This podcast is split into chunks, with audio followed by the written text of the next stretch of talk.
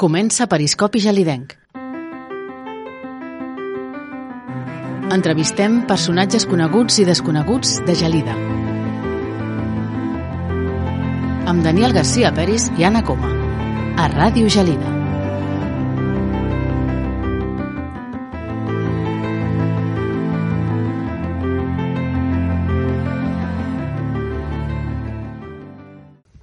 Bon dia i benvinguts a un nou programa. Avui la nostra convidada és la Carme Viaplana. Bon dia, Carme. Bon dia. Que amb tu anem a parlar d'un tram important de la, de la història de Gelida i sobretot relacionada amb l'Ajuntament, perquè hi has treballat molts anys. Molts. I he treballat quasi 41. 41 anys de la meva vida, sí. I a tu, diguem-ne que tenim visualitzada com una persona de Gelida tota la vida, però mm. te, te, tens uns inicis fora de Gelida, no? Per sí, manera. evidentment. Uh, jo sóc nascuda a Barcelona, al barri de Gràcia, i vaig venir aquí perquè, bueno, els meus pares buscaven un lloc per venir a passar els estius i vam venir aquí a Gelida a veure-ho, ens agradava i van llogar un pis aquí a Gelida i primer doncs era els caps de setmana els estius, les festes de Setmana Santa, Nadal, i va donar la casualitat de que una excompanya meva de l'escola, la seva germana, estava casada amb un xicot d'aquí Gelida. I ens vam trobar un dia pel carrer i vaig començar pues, a conèixer gent d'aquí, de Gelida. O sigui, jo sempre m'he fet amb la gent de Gelida. Estem parlant de l'època de l'estiueig de Gelida. Bueno, de la no? pedra picada, quasi. Mm -hmm. Home, de l'estiueig uh, fort, uh, antic, no, però mm -hmm. estem parlant dels anys, pues, no sé, 70, uh, sí, sí, 70. Encara, sí. encara di, tenia aquesta dinàmica una mica, no? Sí. Gelida era un poble que la gent venia a estiuejar, no? Sí, Força, sí, no? sí. Encara hi havia la residència del Jordi Ferran, coneixes? Mm -hmm. Que ara és la, la llar Sant Jordi, no? No, No? no és la aquesta? residència del Jordi Ferran és la casa on viu, un dels pisos on viu ara la Mercè Pujol, Mm -hmm. entre el carrer Doctor Ah, al Galès i el torrent de Sant Miquel. Uh -huh. Allà el Jordi Ferran mm, tenia una residència, unes habitacions, i allà va ser el primer lloc on nosaltres vam venir a passar uns dies. Llavors anàvem a dinar al Cigró d'Or i, i bueno, teníem la piscina allà mateix i els meus pares doncs, van començar també a conèixer gent d'aquí del poble i llavors ja va ser quan la primera casa que vam tenir era un pis al camí del racó. I, I quin era el, el dia a dia d'aquest estiueig? Que, com, com es passava l'estiu? Uf, jo era molt joveneta, eh? bueno, jo recordo moltes hores de piscina, passeig a les fonts, clar, això encara quan anava amb els pares, perquè jo era joveneta, i després quan ja vaig començar a sortir amb la gent d'aquí a Gelida, doncs, bueno, la colla enorme d'aquella època era la trobada, es deia la trobada, la colla. I quedàvem i pues, anàvem al cinema, perquè aquí a Gelida hi havia llavors cinema, i anàvem al cinema i organitzàvem trobades, festes, bueno, el que eren festes a aquella època, que no tenen massa a veure amb les festes d'avui en dia. Eh? Amb les d'ara, no? No. I la, per venir a Gelida no hi havia, als anys 70, després sí que va venir, no hi havia l'autopista, no? Com, com... No, veníem pel, per la carretera. Sí, el meu pare sempre em feia molta gràcia perquè deia quan hi van posar l'autopista, deia, és que nosaltres, quan vam començar, veníem per l'interior. O sigui, això vol dir que veníem per, eh, per Sant Andreu, per Pallejà, per, bueno, per tot el que ara és tots aquests polígons, clar, és que no hi havia altra manera de poder venir. Sí, I el trajecte era, era més llarg, no? Segurament. Sí, era llarg, era una mica més llarg, però, bueno, jo, clar, jo era molt jove i tampoc ho recordo. I al poc temps d'estar nosaltres aquí ja vam fer l'autopista en direcció a Barcelona. Clar que a nosaltres ens anava molt bé. I llavors, quan pujàvem, doncs sortíem a Martorell i pujàvem per la carretera de les curves. I ja està i la vida d'aquells estius, eh, com dius, aquestes trobades, no? Sí. Era, era, no sé, sortia de, de, de lo que és el, el municipi, no? O, o hi havia alguna sortida a Vilafranca? Oh, no, al no. principi no. Quan vam començar a ser una miqueta més gran, que els xicots, perquè en aquella època els carnets de conduir abans sempre se'ls treien primer els xicots que les mosses. No sé per què, però era així i llavors van començar a tenir cotxes i llavors fèiem alguna escapadeta. Però d'això ja t'estic parlant de, de més endavant. Bueno, no creguis, eh? no tan endavant del 75, una cosa així. 75, 76... Mm? I, I com va ser el fet de ja quedar-te permanentment a Gelida? Perquè vaig conèixer el que serà el meu marit, el Ramon Tarrida, i, bueno, vaig conèixer la colla i érem dos nens petitons, cosa que això avui en dia tampoc es porta en excés. I jo recordo que tenia 15 anys i ell duria està a punt de fer els, els 17, ens portem quasi dos anys.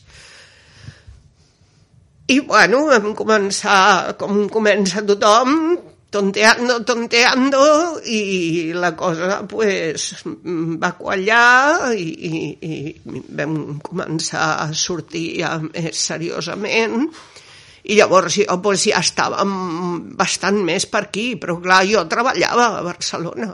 Quan vaig deixar d'estudiar em vaig posar a treballar i clar, només eren els caps de setmana i els festius, perquè entre setmana quan ja era més endavant i això alguna vegada baixava ell a Barcelona. Però, bueno, mm, no ens vam ni plantejar de quedar-nos a viure a Barcelona. Jo em penso que si li arribo a dir de quedar-me a viure a Barcelona, bueno, no sé, les comunicacions, no, no, anava a dir, no estaven tan bé com ara, però la veritat és que ara tampoc és que estiguin perfectes. Bueno, però abans també estaven fatals. Mira, mm. jo treballava a la Via Augusta, treballava en un bufet d'advocats a la Via Augusta. Jo per arribar a treballar a les 9 havia de sortir amb un tren de tres quarts de set del matí, perquè si no, no arribava. Clar, llavors, era com a les pel·lícules. Jo sortia d'aquí a l'hivern vestida d'una manera i arribava al despatx i m'havia de vestir d'una altra. Perquè, clar, sorties d'aquí amb botes, amb un fred que feia. Jo encara recordo baix a l'estació el tren trencant el gel de la catenària. Una cosa, i arribaves a Barcelona i deies, clar, era bueno, era diferent. La comunicació era com viure en un altre, en un altre espai. No hi havia segurament el canvi climàtic que tenim ara, no? I eren més freds els hiverns, sí, oi? els hiverns eren molt més freds. O jo sempre els havia notat més freds. Suposo que també al venir de ciutat notaves més el canvi. Clar, veníem al cap de setmana, la casa estava més o menys freda i notaves el canvi. Però, bueno, ja estàvem a gust devia ser un bon contrast, no? Un poble com Gelida, que en aquella època tenia menys habitants que ara, evidentment, i anar doncs, a Barcelona, amb un bufet d'advocats, no? En el, tot el que allà es movia, no? Va ser molt contrast, sobretot quan vaig deixar la feina i llavors vaig entrar a, a treballar a l'Ajuntament, la primera vegada que vaig entrar a l'Ajuntament, vaig dir, mare meva, ¿dónde me he metido? Clar, era molt, molt vell tot, molt antic, a un lavabo... Bueno, era una cosa superantiga que havia estat passant un passadís al fons, tot amb unes fustes que estaven com amb bitxos, et picaven... Bueno, les màquines d'escriure eren totes amb manuals, només hi havia, em sembla que a l'època que jo vaig entrar, una màquina elèctrica i em sembla que la van comprar poc després de que jo hi fos. I clar, vull dir, el canvi va ser molt, molt, molt impressionant. Però clar, jo ja portava... Bueno, jo em vaig casar al 79, el 14 de desembre del 79, i vaig entrar a treballar a l'Ajuntament al febrer-març del 81. Coincidia una mica amb, amb l'inici dels ajuntaments democràtics, sí, no? Sí, sí, sí. Jo encara vaig tenir d'alcalde el Rafael Ribellano, vaig tenir el Martí Coma, el primer alcalde que jo vaig tenir. Jo Aquí... vaig estar treballant un any quasi a Barcelona, però anar i venir, anar i venir, era un desastre. I llavors, bueno, vaig pensar, trobaré feina. I aquelles èpoques era molt més fàcil trobar feina. I vaig trobar feina. Mm. I allà em vaig quedar. En aquella època els ajuntaments doncs, tenien moltes mancances, no? heredades d'una manera de fer diferent no? que, que hi havia, no? Era totalment diferent d'ara. De gent, de manera de treballar, de mitjans, de, de tot, de tot. A més, és el que tu deies, que era a l'inici dels ajuntaments democràtics, tampoc sabien massa ben bé com posar-s'hi. Clar, tot era nou, tant per ells com per les coses que ells volien fer. Clar, volien fer moltes coses. I... Hi havia molt per fer, també és cert, no? Molt per fer, molt. I llavors, clar, era, era bastant complex, sí, era bastant complex i tot era molt en, encara en castellà, el tema del català. Bueno, jo me'n recordo que les actes dels plens, el que estava de secretari, ell les feia en castellà. I llavors la senyora Núria, la Núria Bertrulí, saps qui és? Sí. Doncs ella les traduïa al català. Clar era, imagina't tu el que comportava. I els llibres d'actes, que suposo que n'has vist tu algun a l'arxiu, mm. eren tots a mà. Tots a mà, amb una molt bona cal·ligrafia, en la majoria de casos, no? Sí. però que realment sí. demostrava doncs, com... Sí. Jo també com... n'havia passat, eh? Mm. També hi ha cal·ligrafia meva. Mm -hmm. Sembla que tots vam passar actes fetes a mà. Sí. Per això que era molt diferent, molt, molt diferent ens trobem que tant el, el continent, no? l'edifici de l'Ajuntament, doncs, encara estava allò per, per remodelar-ho i per, i, i per fer-ho més, diguem-ne, més digne, però d'alguna manera, no? i a banda també el, el contingut. No? Això sí, els ajuntaments, tant el de Gelida com tots, es van anar diguem-ne que expandint en les seves atribucions i, i el que havia de fer, no? Mm. I cada vegada va augmentar més aquesta, aquesta feina que, que, sí, que gestionava, és que, no? Sí, és que era totalment diferent, era una concepció diferent de lo que és ara un ajuntament. O sigui, ara un ajuntament és una eina um, de servei. Abans, a l'inici, quan jo vaig entrar, no era aquesta concepció. Això és el que intentaven canviar tots els ajuntaments que van entrar a partir de la democràcia, de que els ajuntaments es convertissin verdaderament en una eina de servei, oferint servei públic, que sí que hi havia alguna cosa, perquè brigada ja n'hi havia a aquella època, però, bueno, era tot molt, molt a les passaroles i el, la nostra manera de treballar res a veure. Et dic, jo vaig començar amb una màquina d'escriure manual i he acabat treballant amb administració electrònica. Per tant, imagina't el salt, però clar, són 40 anys. És que ara algú que em senti deu pensar una màquina d'escriure manual, què és això? A veure, les lexicon de tota la vida. Eh? Doncs nosaltres treballàvem amb allò. Amb el que fa que hi hagi d'emmagatzament de, de, de, de paper, no? que, que era, devia ser impressionant, no? Els arxius, a poc a poc, tant els antics com els que es generaven, devien anar... Sí, però no hi havia tanta burocràcia com ara. Era diferent.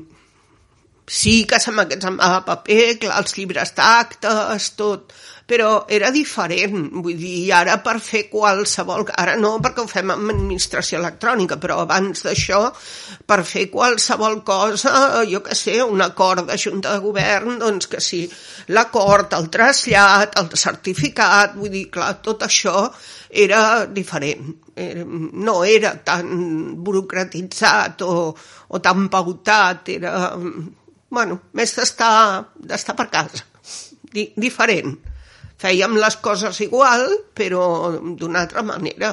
I tampoc hi havia tanta cosa per fer. Clar, quan vaig entrar allò érem poquíssims treballant d'administratius a l'Ajuntament. I al principi el que deies, no? màquines d'escriure eh, normals, després solament elèctriques, i al final la, bueno, el gran canvi devia ser l'ordinador, no? Vam no? tenir processadors de textos mm -hmm. i, i llavors ja els ordinadors, però els ordinadors ja van ser bastant més cap aquí. Clar, llavors hi havia unes menes de feines que també ara s'han perdut. Per exemple, jo, la persona que vaig entrar a substituir, jo vaig entrar amb un interinatge d'un funcionari que jubilava, el senyor Miquel Font. Llavors, ell portava el que era el tema de les quintes. Eh?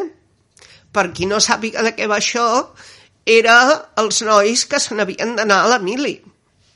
Llavors això era una feina que feia aquest senyor i que vaig assumir jo. Clar, llavors mm, ja era tot com, com diferent, no? Jo me'n recordo les primeres reunions que vam fer als quartels de Barcelona, els delegats de quintes de l'època dels ajuntaments democràtics van començar a entrar-hi dones, tots aquells militars allà no sabien ni com posar-s'hi era molt diferent. Era un altre, un altre món, era, bueno, diferent, sí, diferent. I com dèiem, si no hi havia els sistemes de processament, diguem-ne, ordinadors i bases de dades, tot havia d'anar, doncs, portar llistats, sí, aquí, sí. amunt i avall, no? Mm, tot a mà. Els empadronaments tots es feien a mà, l'empadronament a la llei antiga de cada quatre anys tothom quedava donat de baixa i, llavors es feia un empadronament general en què la gent voluntàriament s'havia d'apuntar. Això que comportava que molta de la gent passava o no hi anava o no, o no volia o, i llavors es quedaven a terra. I llavors hi havia uns desfases de població molt importants, i tot això amb fulles, tot a mà, eh?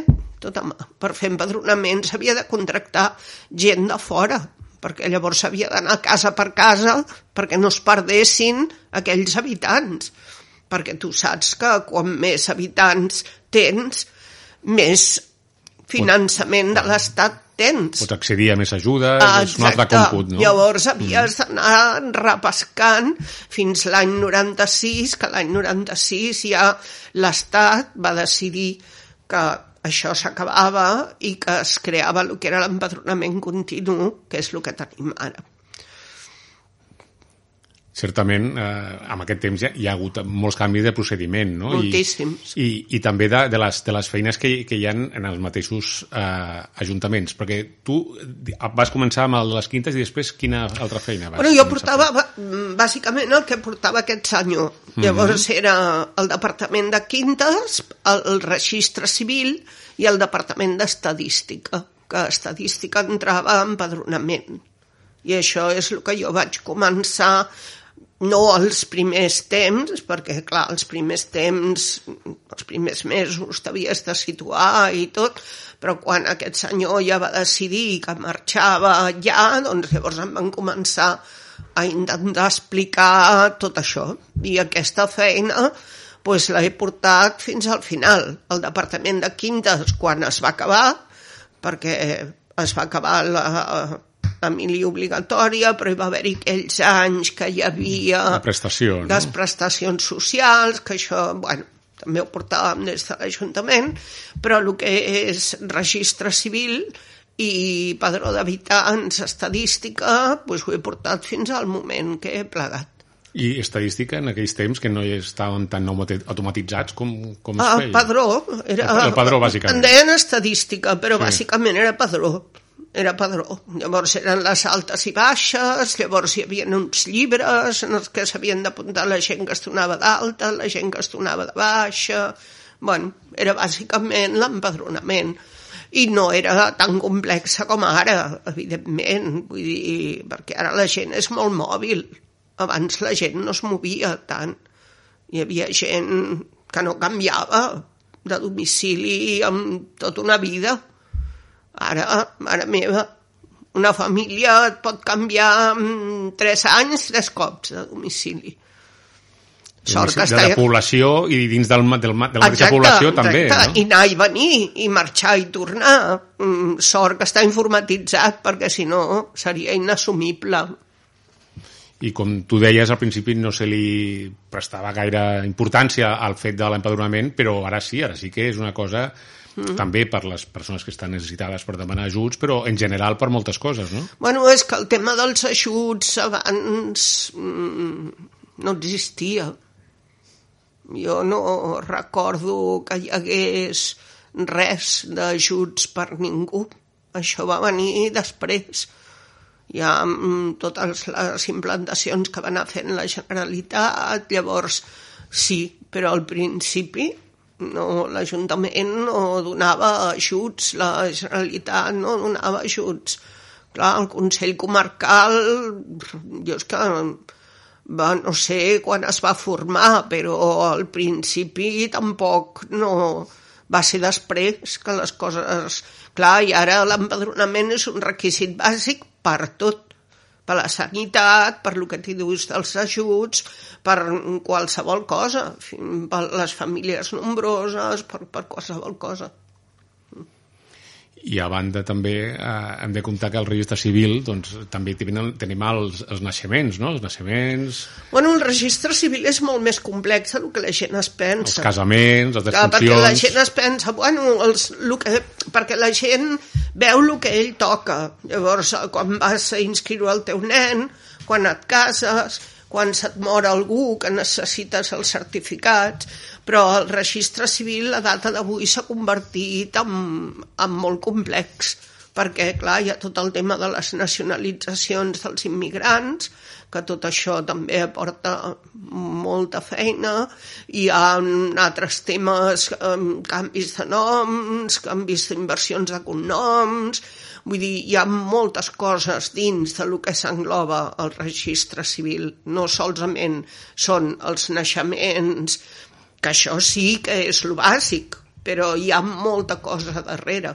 Clar, abans els casaments civils eren impensables. Ara, bueno, pots arribar a fer en un any 30 casaments civils o 30 i pico i un canònic. Ha canviat moltíssim, ha Clar. canviat moltíssim també els Clar. costums i, i el fet també, ara comentaves de, de, dels cognoms, que també abans també era difícil que algú es canviés l'ordre dels cognoms. Bueno, no és que era difícil, és que estava prohibit. no és que fos difícil, clar, és que hi ha, hi ha hagut moltes coses que s'han anat fent perquè la legislació també s'ha anat adequant a lo que la gent demana.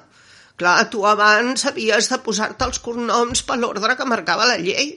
El primer, el primer del pare i el segon, el primer de la mare. Ara ja directament al moment del naixement pots invertir, o sigui, pots posar però tampoc és que sigui cap cosa, eh? perquè només pots posar el primer de la mare com a primer cognom i el primer del pare com a segon. Però, bueno, ja és algo.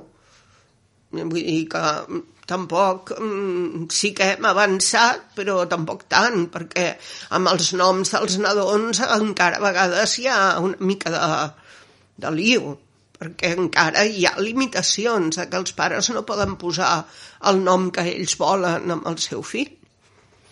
De vegades algun, alguns noms són, donen Bueno, hi ha una, una mica controvèrsia, no? Hi ha unes normatives i que tots els registres civils fem el que podem, perquè hi ha unes normatives i llavors dius, home, és que la, bueno, allò que passa, no? que el registre civil pensa que la llei de registre civil és de l'any 58. de l'any que vaig néixer jo. Llavors, tu imagina't el pensament de l'any 58 amb el pensament del 2022. És que és impensable. Llavors, mm, ha costat molt de que tot això s'hagués anat modificant. Clar, el tema dels casaments, amb els matrimonis homosexuals, vull dir, mm, tot s'ha hagut d'anar fent a pedassos, perquè no van agafar la llei i la van fer nova. No, han anat afegint, afegint, afegint. I tot això també a vegades comporta mm, certs embolics, perquè sobretot els jutjats de primera instància, depèn del jutge que tinguis a davant que porti el registre civil, doncs aplicarà la llei amb més contundència o amb menys. I com que hi ha forats, doncs sempre hi pots caure amb algun d'aquests forats i és complicat i el temps que transcorreix després, respecte a fa una inscripció a que finalment és vàlida també pot canviar per això, no? aquesta acció del jutge també era diferent al principi segurament no? Mm. que a la que és ara que hi ha administració electrònica no? Sí, és clar, el registre civil també es va informatitzar però, bueno, no res a veure amb l'administració electrònica. Eh? Ara estan intentant fer un altre tipus d'informatització, però només ho han provat en Barcelona i Madrid i de moment no se'n surten. O sigui que encara queda camí sí. per avançar, no? A veure, els petits sí que treballem amb ordinador, sí que no hem de fer servir els llibres aquells antics inscrivint a mà, sinó que ho fem tot en la memòria d'aquell ordinador i és molt més fàcil poder treure els certificats i això però d'aquí a que la gent pugui accedir al registre com una administració electrònica de cara al ciutadà és un abisme. No. Bueno, esperem que anem avançant a poc a poc, encara que sigui així. Carme, hem arribat ara a aquest punt del programa que demanem a les nostres convidades que triïn una cançó que els agrada. Quina és la teva i per què l'has triada? Ai, a veure, jo he triat una cançó del Serrat, perquè a mi el Serrat sempre és un cantautor que m'ha agradat molt. I he triat una que és molt tranquil·la i que no és excessivament coneguda, però que a mi, quan l'escolto, em remou, que es diu Aquelles pequeñas coses eh, penso que um, és, és una poesia, quasi més que una cançó. I sempre l'he trobat molt maca i dic, bueno, doncs triarem aquesta. Perfecte, doncs l'Anna, que és el control, ens la podrà posar.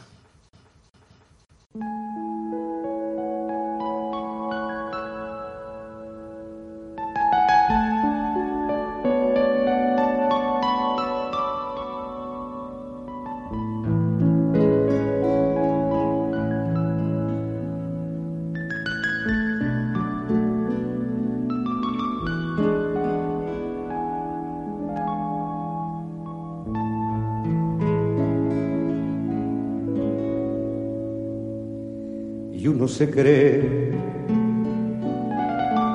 que las mató el tiempo y la ausencia, pero su tren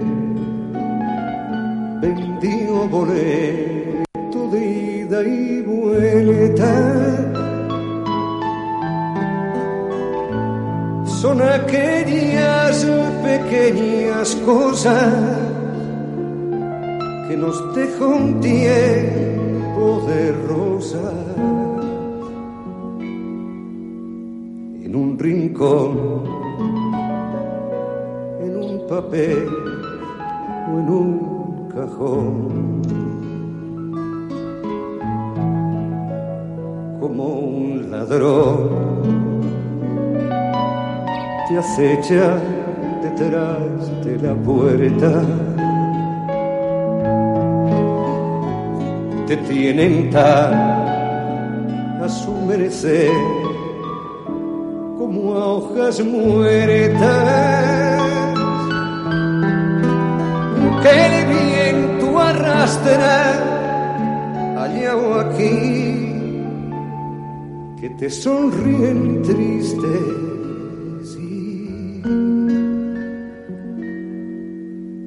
nos hacen que cuando nadie nos ve.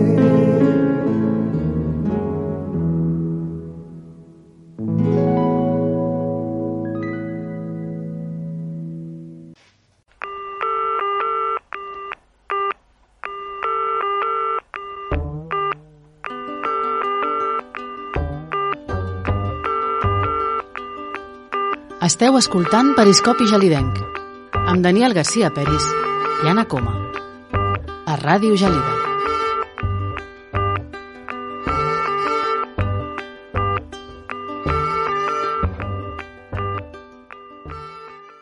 Seguim conversant amb la Carme Viaplana i parlàvem abans de sentir la cançó d'aquests doncs, processos no? que, que, com el registre civil que porta l'Ajuntament, que ha anat evolucionant, tot i encara li queda per evolucionar, i també una relació que té l'Ajuntament és amb el, amb el jutjat, no? Que, i que de fet a, a Gelida doncs, també, a l'edifici doncs, també hi ha Sí, hi ha el que passa és que el, el jutjat, l'Ajuntament, el que fa és deixar-li el local. Mm -hmm. O sigui, el jutjat no té cap relació directa amb l'Ajuntament. El registre civil sí. Mm. O sigui, el registre civil en els pobles petits eh, quan es va fer una cosa que allò que et deia dels pedaços de la llei, mm. van fer una cosa que van dir la llei de la nova planta, que llavors va ser quan van crear les agrupacions judicials, que és el que tenim aquí a Gelida, Um, els registres civils en els pobles petits uh, van dir que els havien de quedar als ajuntaments perquè van considerar que passar-los als jutjats era no, no ho podien gestionar. Llavors, què van fer? El responsable del registre civil és l'Ajuntament i ells havien de marcar un funcionari de l'Ajuntament que portés el registre civil i això és el que s'ha estat fent sempre. Eh? Abans es, ja es feia i quan vam fer lo de la modificació dels jutjats de pau, perquè abans l'Ajuntament també portava el jutjat de pau. Jo havia portat el jutjat de pau. O sigui, nosaltres vam arribar fins i tot a fer algun judici de faltes abans de que es fes la llei de la nova planta i que hi hagués un secretari judicial, que és el que hi ha ara. Llavors Gelida és agrupació i Gelida és cap de l'agrupació. Llavors la, la seu és Gelida i les persones que treballen pel Departament de Justícia són les que volten pels altres pobles, però la seu és Gelida. I amb, com deies, amb el jutjat de Pau, amb la persona que, que porta el jutjat de Pau, el jutge o jutgessa, doncs també has tingut una relació tots aquests anys, no? Sí, esclar, sí, sí, moltíssima. Amb el Jordi Ferran, concretament, que és el que jo vaig tractar des que vaig entrar a l'Ajuntament perquè ell va estar moltíssims anys de jutge i després ja quan ell va estar, es va començar a posar malalt hi havia el de substituta la Mireia Rosa Grafí llavors és ara la que és la jutgessa i bueno, també, clar, hi tractem directament. El que passa que jo només ara hi tracto com a registre civil. Abans hi tractàvem com a jutjat de pau, perquè clar, nosaltres érem també els que ens fèiem càrrec del tema del jutjat de pau. Però clar, era, no tenia res a veure amb els jutjats d'ara, eh? vull dir, era una altra cosa. Una dinàmica diferent, Diferent, no? totalment, sí, sí. Ara tenen moltíssimes notificacions, tenen molts... Bueno, hi ha molts problemes a nivells judicials i nosaltres, doncs, per sort, no en teníem tants. Sí que fèiem cosa, però, bueno, jo recordo fins i tot haver fet algun desnonament. Recordo dos, concretament i sobretot um, anar pues, a reclamar que venien els procuradors i havies d'anar a reclamar els diners de llocs i això que era molt, molt desagradable, com a mínim per mi. Bueno, suposo que per tothom, però jo... A mi quan van fer la llei de la nova planta i el jutjat va passar al Departament de Justícia, per mi va ser un alleugeriment, perquè el registre civil és diferent, m'ha agradat sempre molt i és una cosa que pots explorar molt, estudiar molt, um, saps moltíssimes coses, pots, uh, no sé, les lleis um, han anat canviant, tot això t'enriqueix molt, però el jutjat de pau és molt trist, per mi, és molt trist. I a banda d'aquestes tasques, doncs, també en un moment donat doncs, vas agafar doncs, la secretaria d'alcaldia. Sí. Mm -hmm. com, com va ser això? Bueno, va ser quan va entrar el Joan Rosselló d'alcalde, llavors ell mm, va considerar que jo podia servir-li com a secretària d'alcaldia i a partir d'aquí fins, fins que el dia que em vaig jubilar. He passat molts alcaldes. Déu-n'hi-do, déu nhi déu i a més eh, amb una tasca que és la de, doncs, de portar una agenda que a vegades és una mica complicada, no? Bueno, al principi no ho era tant, però últimament cada vegada es complicava més, perquè, clar, els alcaldes... Bueno, la gent vol anar a veure el seu alcalde i, clar, doncs això comporta que sempre has d'estar amb l'agenda, llavors eh, nosaltres com a secretaria d'alcaldia jo feia també la feina de protocol i llavors quan s'havia d'organitzar algun acte i això doncs, també l'organitzava jo com, com a protocol. I el protocol de, diguem-ne, de- d'un ajuntament com, com, com s'entén? Com diguem, quin- quines, quines regles bàsiques es pot seguir? El protocol és, és una cosa que jo recordo dels cursos que vaig anar, per, mm, clar, per, per saber-ho una mica, que sempre ens deien que per aplicar el protocol s'havia d'aplicar el sentit comú. I és el millor que vaig aprendre. A partir d'aquí la resta, no? Però el sentit comú... Has d'aplicar el sentit comú i has de tenir molt clara una cosa, que tots som persones i les persones són diferents, evidentment, però quan tu estàs gestionant un acte has de pensar que també gestiones persones. I que llavors doncs, aquestes persones um, s'han de sentir s'han de sentir bé, s'han de sentir còmodes, s'han de sentir acollides si són gent que ve de fora i s'han de sentir pues, no sé, ben tractades i amb el seu càrrec que correspon i de la manera jo penso que el protocol és això i que tu li donguis la importància i la rellevància que té aquella persona, ja no pel fet de ser aquella persona, sinó pel càrrec que està ostentant en aquell moment. I és això, aplicar una mica el sentit comú. que passa que a vegades també costa, eh? Però sí. De vegades també co- cosa sobretot eh, el seguir-se els temps, no? De vegades tens una agenda amb uns horaris i, de, i no es compleix, no? Bueno, sí, passa, però bueno, és allò que dèiem, que mm, tot, tot, tots som persones. Llavors és qüestió de dir, bueno, és que anem 10 minuts tard i si la persona que porta el protocol, perquè normalment quan et veu un càrrec important, normalment ve sempre amb el seu cap de protocol. Llavors, de seguida veus si tindràs problemes o no en tindràs. Llavors, si aquella persona et diu ui, no, hem d'anar ràpid perquè eh, mm, tenim un altre acte i no sé què. Llavors has d'anar xutxant contínuament. Si aquella persona et diu, uh, no, mira, això està passant molt bé i no li ve d'un quart, doncs, pues, escolta, li explicarem el que convingui i farem el que convingui. I els timings els quadràvem sempre amb, amb les persones que venien bueno, per telèfon o més endavant per correu electrònic i això, amb les persones que, que venien amb els, amb els càrrecs. És també una feina molt apassionant, molt.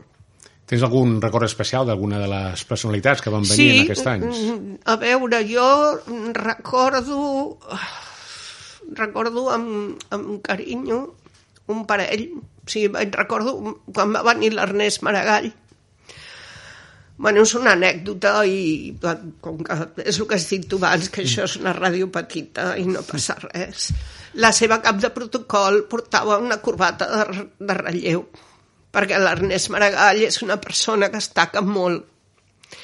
I llavors vam anar a fer un pica-pica a l'institut i clar, evidentment es va tacar la corbata i llavors, bueno, era molt divertit perquè, bueno, ella ja m'ho va dir d'inici, diu, no repeteixis que, i que gaudeixi, que no sé què diu, però jo ja li porto la corbata de relleu llavors dius, bueno coses així, no? Que és allò que et dèiem, que tots som, tots som persones, no? I... Bé, molt bé i intentar aconseguir que, que en la globalitat del, de l'acte no? i de l'experiència doncs, que sigui per tothom satisfactòria. Exacte, no? que sigui agradable. Vull dir, quan fas un acte d'aquests és el que et deia, el que busques és que la gent estigui a gust, que la gent es trobi còmode al lloc i també el que has de tenir clar és una cosa que jo sempre dic, que tu estàs jugant a casa. A veure, podrà venir el president de la Generalitat, d'acord, però tu continues jugant a casa. Tu estàs a casa teva. Sí que ells et marcaran uns inputs, evidentment, i sobretot com més amunt estigui la persona que ve, els inputs són més, més, com, més concrets.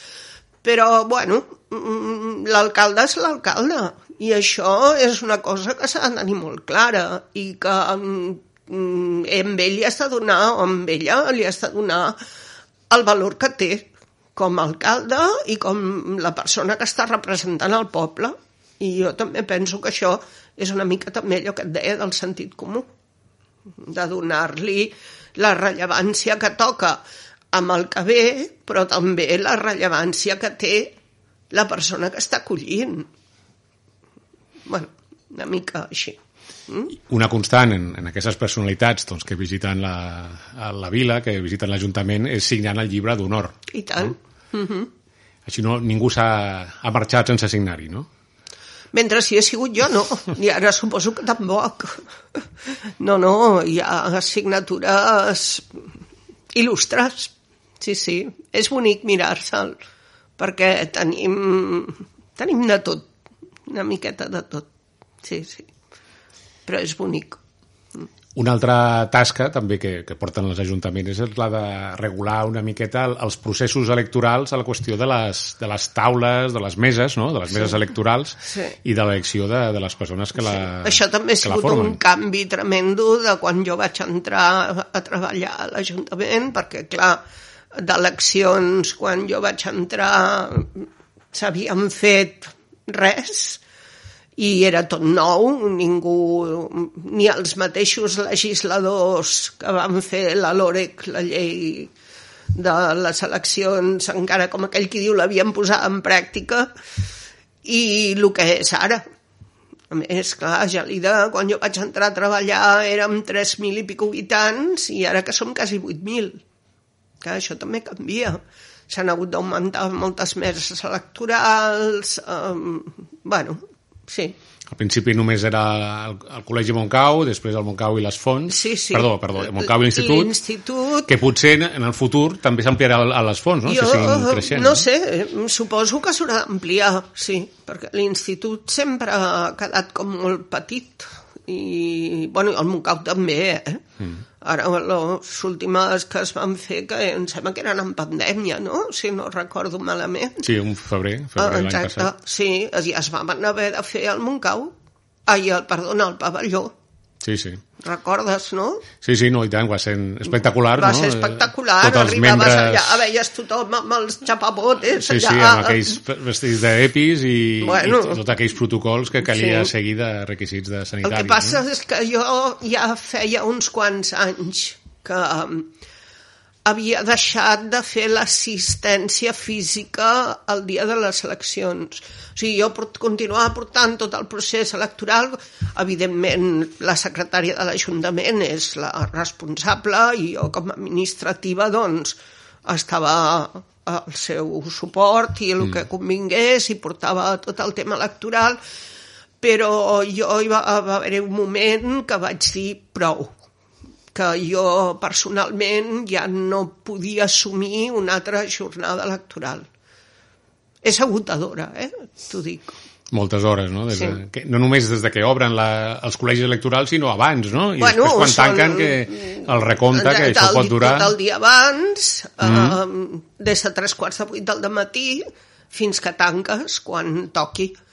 I jo hi va haver-hi un moment que, bueno, per la meva salut mental, bueno, vaig, evidentment, ho vaig parlar amb l'alcalde i amb la secretària i tothom ho va entendre, perquè clar, portava un munt d'anys fent-ho, i llavors ja hi havia moltes companyes i companys que estaven perfectament formats per poder-ho portar.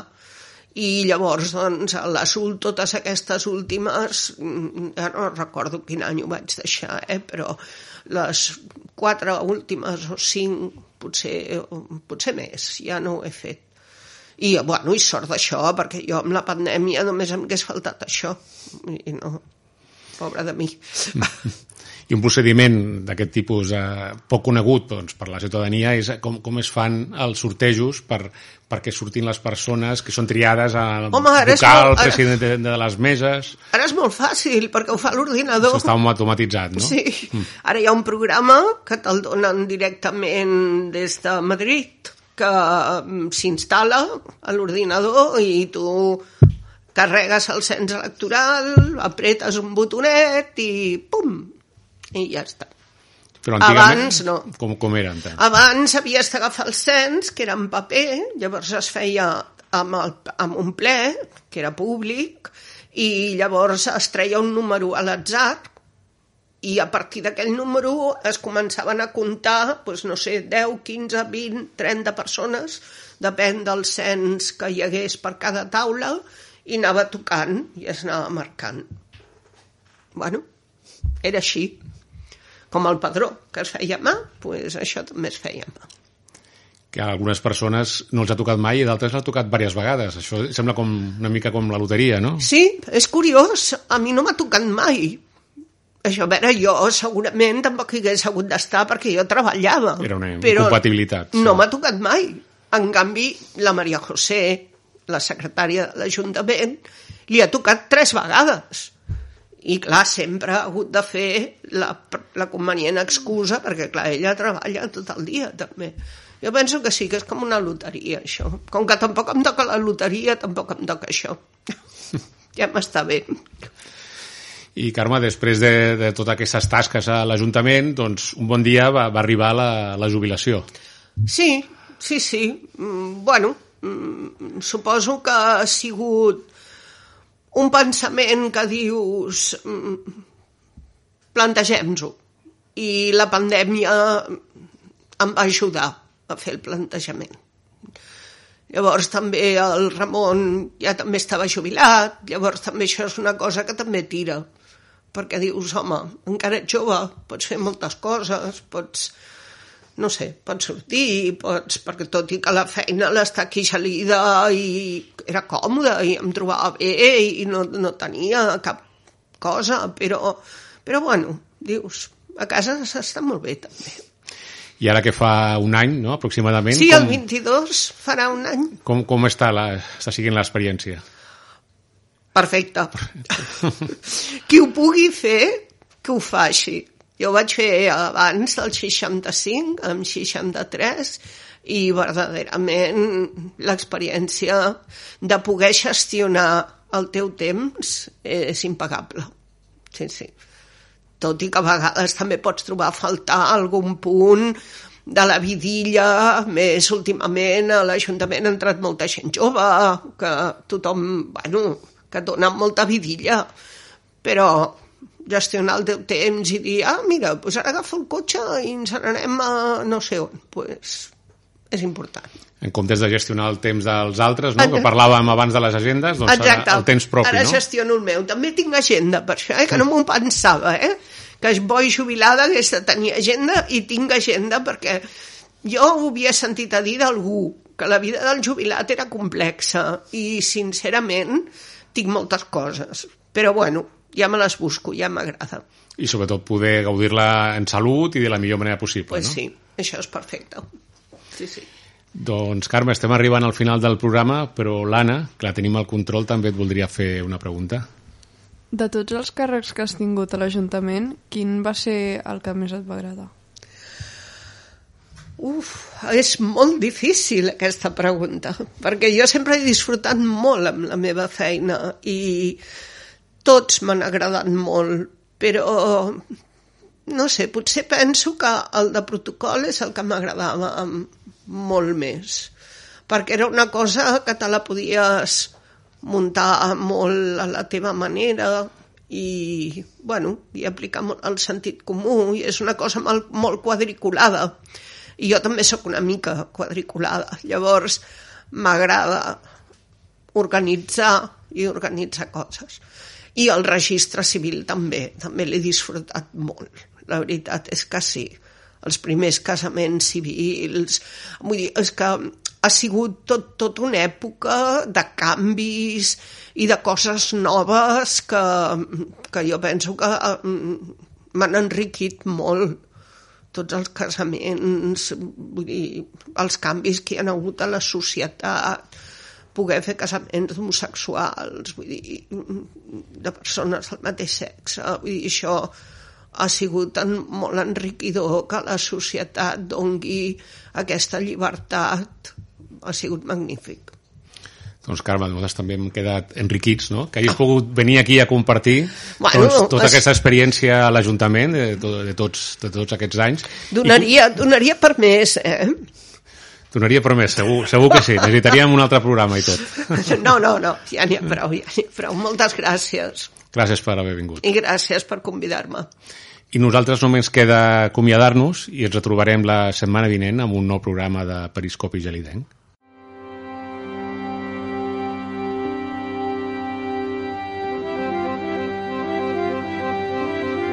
Heu escoltat Periscopi Gelidenc amb Daniel Garcia Peris i Anna Coma a Ràdio Gelida.